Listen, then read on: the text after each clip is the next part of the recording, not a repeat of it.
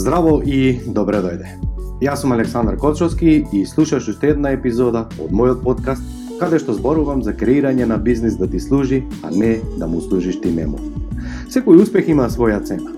Една од цената која што треба да ја платиме за да изградиме успешен бизнис и живот е лична едукација, а тоа е што представува моја страст. Здраво и добре дојде на денешната 22 подкаст епизода. Испровоциран оваа недела од две случки, се решив, ајде, првата е окей, ама веќе штом две се случија, време е да снимам подкаст на оваа тема, затоа што сигурно се случува во, во многу компании истото, а малку размислуваме, а буквално еден човек, еден вработен може да ни го заебе цел бизнис, доколку не размислуваме и не пронајдеме решение на оваа тема. Имено, во понеделник нарачав онлайн извршив онлайн нарачка и на сајтот имаше еден, еден дел каде што треба да се остават податоци, нели име, презиме, контакт адреса, телефон, мејл адреса и останато. Уредно си платив и се остана се тука заврши. Поминува ден, два, нема никаква информација дали е примена нарачката, дали не е примена, ќе се донесе робава, нема да се донесе, буквално стоја, стои неизвестно. По два дена се јавувам на телефон и се јавува една господја од другата страна во фирмата, буквално со наследниот начин, со следниве зборови. Вели, ало, викам, добар ден. Да, кажи. Велам Александар на телефон. Предпоставувам дека тоа е фирмата XY, да не ја спомнувам сега која фирма беше.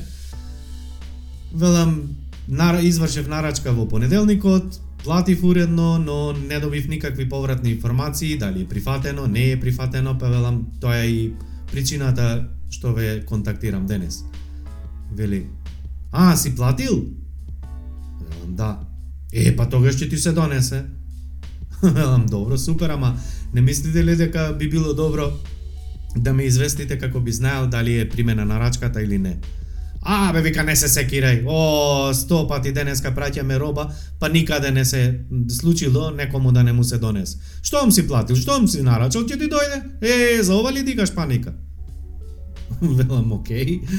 Добро, тоа е вашето мислење, јас имам друго, небитно. Само потврдете ми од прилика велам кога би било робата испорачана. Вели, окей, дај ми податоци. Велам, повелет податоци, име, презиме ајде види, ќе ти се јавам ја за пола сат, сат, ќе ти се јавам, ќе ти кажам. Викам, добро, благодарам. Не помина ни пола сат, не помина ни еден час, помина пет часа и господјата се јави. Александар! Кам да, повелете. Ќе ти биде пратено, немај гајле, вика, еве провери ја ќе ти биде пратено. Ама имаше еден проблем во овој разговор, А тоа е бидејќи јас го немав меморирано телефонскиот број, а господјата и повтор пат ниту се представи, ниту од која фирма доаѓа, нити за што зборуваме, буквално како да продолжил тековно разговорот.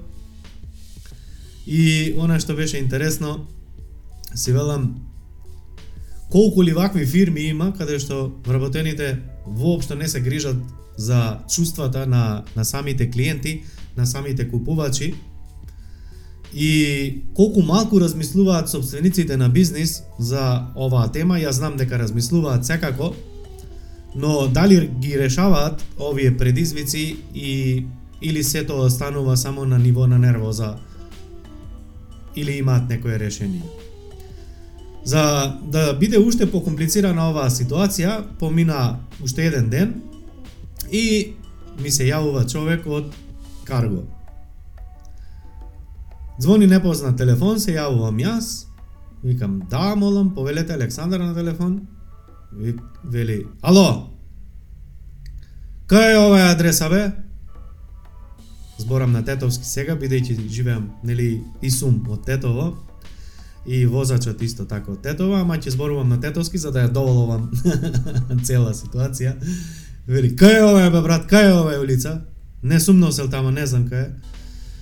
И викам, добро, на таа и таа, кај новата зграда, ово, она се обидувам да му објаснам на човекот, веќе, а, добро бе, а, нема шанса, не, тамо не, не идем ја, брат, тамо нема шанс. Ако дојдеш ти овде, од, излезеш на главна улица, добро, ако не, тамо ја нема шанса, не идам. Велам, добро, ама на сајтот од кај што извршив нарачката пишуваше дека ја носите, дека доставата ќе биде на до сама адреса. Предпоставувам дека на ниво на фирми има договор и дека вие треба да ми ја донесете робата до сама локација. И вели господинот, да, да, така е, ама нема шанса, ја тамо да ти се пикам, о, да заглавим ја два сата тамо, не бе, брат, нема шанс. Ти кажав убоја, ако излезеш на главна улица, добро, ако нешто сакаш прави, ја робата ќе ја вратим назад. Викам, мајко моја, добро, викам, пријателе мој, ја за 5 минути влегувам на состанок, така да немам време ја да ти излезам на главната улица, а бидејќи ти нема да дојдеш до сама локација, со робата постапи како што мислиш ти. И сега, не е битно, ги контактирав, си ја подигнав сам робата, не е битно, се реши како и се што се решава во животот, но сакам да скренам, да обарнам внимание за, за овие две случаи и да те подсетам како вакво едно дрско однесување, една деловна некултура може да ти го зезна и да ти го заебе цел бизнис. Еве што на прво ме асоцираше, бидејќи секој ден работам со предприемачи, јас сум предприемач и конкретно и директно ги знам проблемите на предприемачите, И она што ме потикна си велам вака, карго со едно возило не се станува, сигурно има барем 10. 10 денеска возила да купиш по 10.000 евра, тоа се 100.000 евра. Тие 10 возила не одат на вода, туку треба гориво, што значи има трошок. Тие 10 возила не се возат сами, значи дека најмалку има уште 10 вработени, А тоа ако пресметаш, тоа значи близу 10.000 евра со струја, вода, комунали, ДДВ, даноци, чуда. Значи овој собственик на таа карго фирма има најмалку 10.000 евра месечен трошок или ти 120.000 евра годишно. Може би за тие возила има и кредити, и рамки во банка, и банкарски трошоци, и чуда. Сигурен сум дека има и масло, филтри, одржување на тие возила, редовни сервиси, повремени дефекти, бидејќи тие возила често циркулираат, односно се возат 24/7, тоа значи дека има удеси, тоа значи дека има и неприлики, тоа значи дека може би по некое возило не има дефектно и не работаат 100% капацитет. А тоа значи дека овој собственик најчесто е и загрижен, нервозен од секојдневните оперативни задачи кои што ги има, па уште и вакви проблеми да ги решава. А тоа значи дека не му е лесно да, да води бизнис, а од друга страна, колку размислува за задоволството на клиентите, колку знае што му се случува во неговата фирма, како работаат вработените, како разговараат со клиентите, и колку знам дека на интелектуално ниво знае што му се овај знае за сето ова што го зборувам, Знае дека позади секоја бројка, позади секоја трансакција стои клиент, односно тој клиент е пред се човек, но секако ние знаеме кои луѓе работаат и како се однесуваат со нашите клиенти, но дали оние поплаки кои што ги слушаме, ги добиваме, ги решаваме или едноставно не. Затоа што немаме време, нели ние сме во оператива. Само ќе те подсетам дека на старото правило колку работи во животов да се менуваат, колку и да напреднува начинот на комуникација, водење на бизнис, колку и да има современ начин онлайн маркетинг ваков таков небитен, она стар начин на водење на маркетинг, а тоа е уста на уста или офлайн маркетинг, никогаш, ама баш никогаш нема да се изгуби. А тоа значи дека еден задоволен клиент 100 ќе ти донесе, но може и 100 да ти врати. Затоа што сега е период на слави, родендени, имендени, чуда, пред нова година, нова година, прослави на работа, колеги разговара. Тоа значи дека секој едно корисничко искуство ќе се прекаже денеска по стопати, а повторно доаѓаме дека еден клиент 100 може да ти донесе и 100 да ти врати, а само една груба пресметка ако просечен клиент ти вреди или имаш просечна трансакција од 100 евра, Ако еден клиент ти троши, не знам, еве, секој месец по 100 евра и со тебе се дружи година 2-3, тоа значи дека еден клиент ти вреди 3-40.000 евра, А тоа значи дека ако го следиме правилото дека слични се дружат со слични, тоа значи дека може да ти препорача на негови слични 10 луѓе, еве не мора повеќе. Тоа значи дека ако еден клиент ти имаш 30.000 евра ти вреди и ти препорача уште 10 такви во следниот период, и тие по 30.000 евра, тоа значи дека само од невнимание и негрижа за овој сегмент на корисници и задоволство на клиенти дека само поради едно лошо однесување на еден твој вработен и едно лошо искуство на клучен твој клиент дека може да те чини стотици илјади евра загуба на годишно ниво затоа што не го решаваш овој проблем. Е сега, како ова би требало да се реши и, и како ова јас го решавам во компанијот и поентата е нели не само да да кажеме на проблеми, ти си човек, некаде трошиш пари и сум сигурен дека ова што јас денес го зборувам со тебе, дека тебе ти се случува исто така и ти си некаде клиент и те некаде трошиш пари, знам дека стопати си бил незадоволен и стопати си одвратил некој да не оди во таа компанија заради твоето лошо искуство, Но ако си предприемач, а знам дека луѓето кои што го слушаат, ги слушаат моите подкаст епизоди се предприемачи, токму ти се обраќам и доколку го имаш овој проблем, подхитно го решиш, а доколку немаш вакви проблеми, тоа е супер, но секако треба и ти да имплементираш а, вакво вакво решение за на време да не ти биде криво кога еден ден ќе останеш без работа или ти се намали работењето па да размислуваш или да бараш проблем онамо каде што не постои. Значи, еве како го решаваме овој проблем. Значи, буквално, како што постои сектор продажба, како што имаме роба, како што имаме финанси, како што имаме оператива, производство, транспорт и се останато, нели, клучни клиенти, клучни добавувачи, Значи, деветиот сегмент е грижа на корисници. И секоја една сериозна компанија, како што има сметководител, како што има производство, како што има продажба, буквално работно место денес секој еден сериозен бизнис би требало да има грижа на клиенти. Тоа значи, секој еден клиент кој што денеска ќе остави денар кај тебе во фирма, буквално во рок од ден, два, најдоцна три да се контактира и да се обави разговор, да се измери задоволството и да се види дали клиентите се задоволни, дали не се задоволни. А зошто максимум 3 дена? Затоа што луѓето подоцна забораваат како поминуваат деновите, нели, се заборава тоа, клучни зборови, не се збор, заборава искуството, емоциите и како човекот се чувствувал тоа секако дека ќе остане запаметено, но бојата на гласот, нивото, никогаш, односно, мала е веројатноста дека ќе дознаеш кој точно вработен, кој точно клиент, како постапувал, да знаеш со кого треба конкретно да работиш, клучните зборови, диалектот, бојата на гласот, значи куп информации може да да ги нема, да не ги добиеш ако ова го направиш после 2-3 дена. Еве како го решавам ја ова, кога сме ангажирани за задоволство на клиенти и развој на продажбата.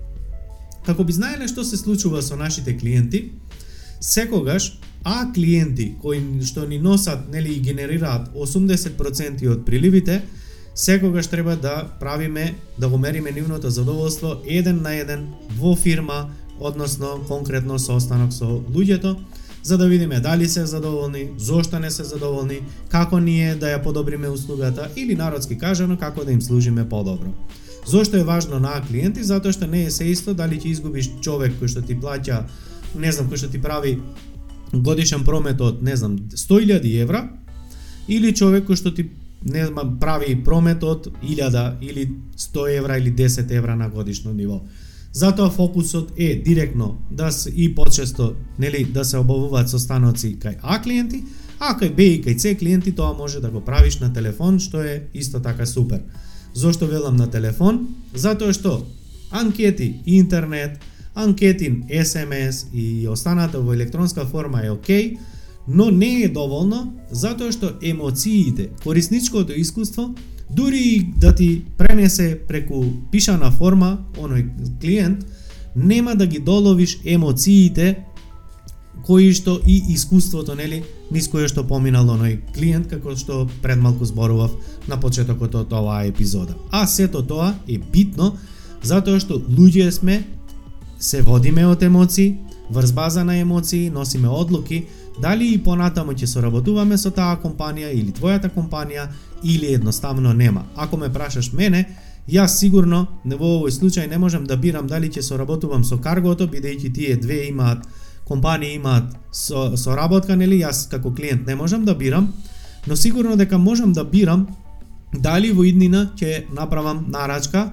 во таа компанија, а тоа значи дека оваа компанија повеќе нема да добие мои средства, а тоа значи дека потенцијално изгубила и онаа карго, нели, компанија.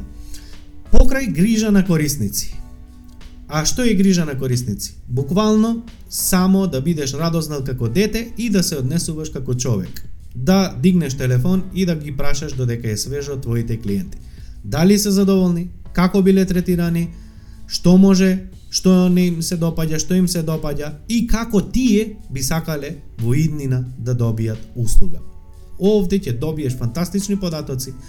Направи што можеш повеќе, Штом добиеш една задоволителна бројка од 50 од 100 искуства, еве ти сосема доволно податоци за да можеш да работиш на унапредување на услугата. Како луѓето се однесувале твоите вработени или како не се однесувале е сосема секундарно, затоа што ако не си водел и немаш систем како се разговара со луѓе, кој кодекс на однесување, на организацијска култура, како треба еден со која боја на глас, кои клучни зборови да користи, значи да не навлегувам сега во вештини на комуникација и стратегија, тоа значи дека ти најпрво би требало да собереш информации, да направиш стратегија, да пронајдеш решенија, а подоцна да се погрижиш дисциплинирано, нели, да водите вежби на работното место, како и би им објаснил на луѓето како сакаш да им пружаат услуги на клиентите и подоцна да бареш дисциплинирано извршување, нели, на онака како што си замислил.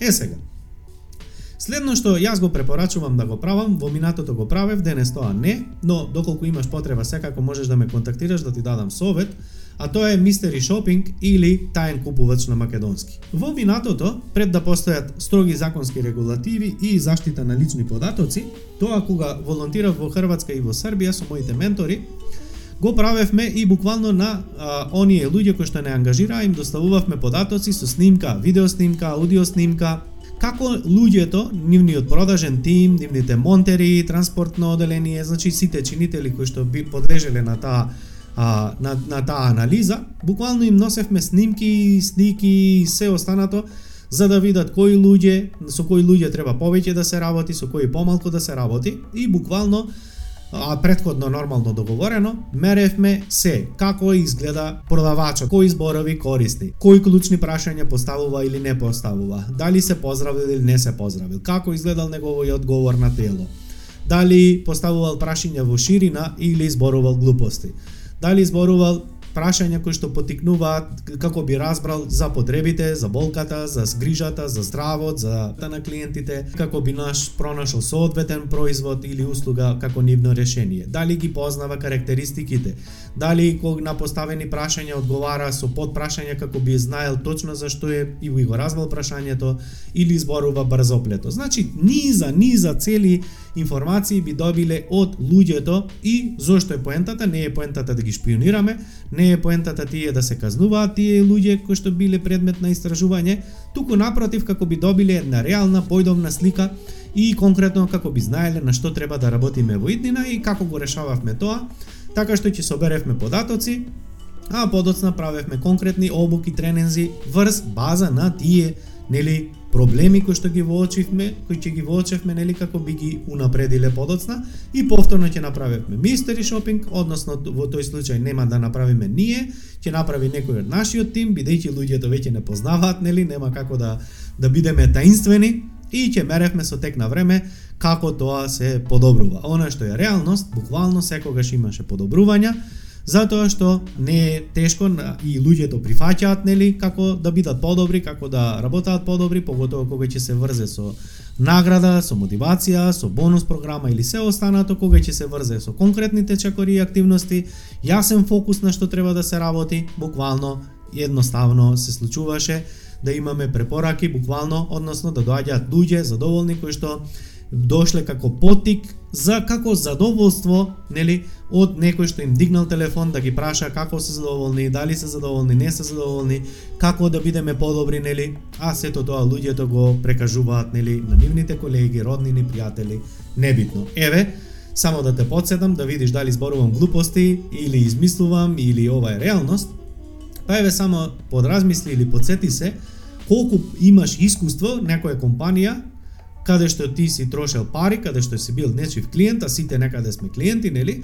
Колку пати во животот ти се јавија некоја од некоја компанија да те прашаат како си задоволен, дали си задоволен, како да им дадеш предлог да бидат да ти служат подобро, ако не си задоволен, да те прашаат нели како човек зошто не си задоволен, нели да те наградат со некој некој мал подарок или небитно, ако ништо со еден гест, извини, благодарам што што трошите кај нас. Еве, небитно дали до сега имаш некое искуство, некој од некоја фирма да ти се јави. Еве, јас ќе ти кажам, до сега моето искуство е само од телекомуникацијските, нели, од овие компании и тоа SMS порака, не велам дали е добро или лошо, но моето искуство е единствено такво или каде што трошам онлайн, ќе добијам нели како анкета со по неколку прашања. Но да ми дигне телефон мене и да ме праша Александар дали беше задоволен, ти благодарам што потроши пари кај нас, како си задоволен од производот, од услугата, од односот на луѓето, буквално не.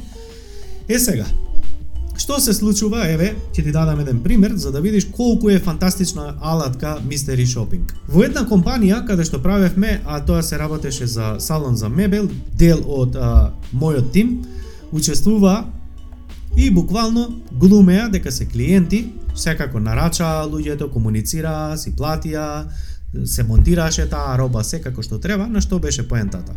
Од прва нарачка, односно од прв контакт, првиот вработен, буквално да се затвори цел процес. И добивме буквално цела една документација, цел заокружен процес и да видиме како се одвива буквално цел процес, како биле пречекани, како зборува продажниот тим, како разговара, како се однесува во смисла брзина, време, квалитет, изглед физички, услуга, квалитет, грижа, се останато. Транспортно оделение, монтери, буквално се, архитекти, се како изгледа цел процес и она што е интересно, нема да зборувам дали беше добро или не, Секако во секоја компанија има простор за подобрување, во тој случај оваа компанија работеше супер, секако подобривме доста работи, но она што е интересно е дека секоја една сериозна компанија ова мора да го прави неколку пати годишно, поготово кога има нови вработени, поготово кога лансира нов начин на на работење, кога прави промена во начин на работа, промена на дистрибуција, буквално се. А од друга страна, може би и, и, и никогаш нема да знаеме зошто некои луѓе купуваат од нас, зошто некои луѓе не купуваат од кај нас, зошто некои клиенти губиме, зошто не ги добиваме, зошто немаме препораки, зошто нашиот бизнис стагнира, а кај некои луѓе нели купуваат, односно кај некоја компанија купуваат производи и услуги кои што и се и поскапи од кај нас, а подоцна ние си размислуваме Па како бе оди купува на тоа место или купил тамо каде производите се не се толку квалитетни или поскапи, се поевтини се, значи имаме море од информации, а имаме нецелосни и неточни одговори. И следната трета работа која што ти ја препорачувам, а тоа е воведување на контрола. Е, само пред да кажам збор контрола, само ќе те подсетам дека сите можни контроли кои што се прават, се прават за анализа на луѓе, како почнале еден процес, како го завршиле следниот процес, како предметот или налогот патува од еден сектор во друг сектор, значи секаде да правиме контрола, но она што е интересно е дека позади секоја контрола контролираме луѓе. Машини немаш потреба да контролираш, оди има индикатори кои што самите се контролираат, нели? А контролираме луѓе. Е сега, колку сериозно водиш бизнис, еднакво е на колку имаш јака контрола.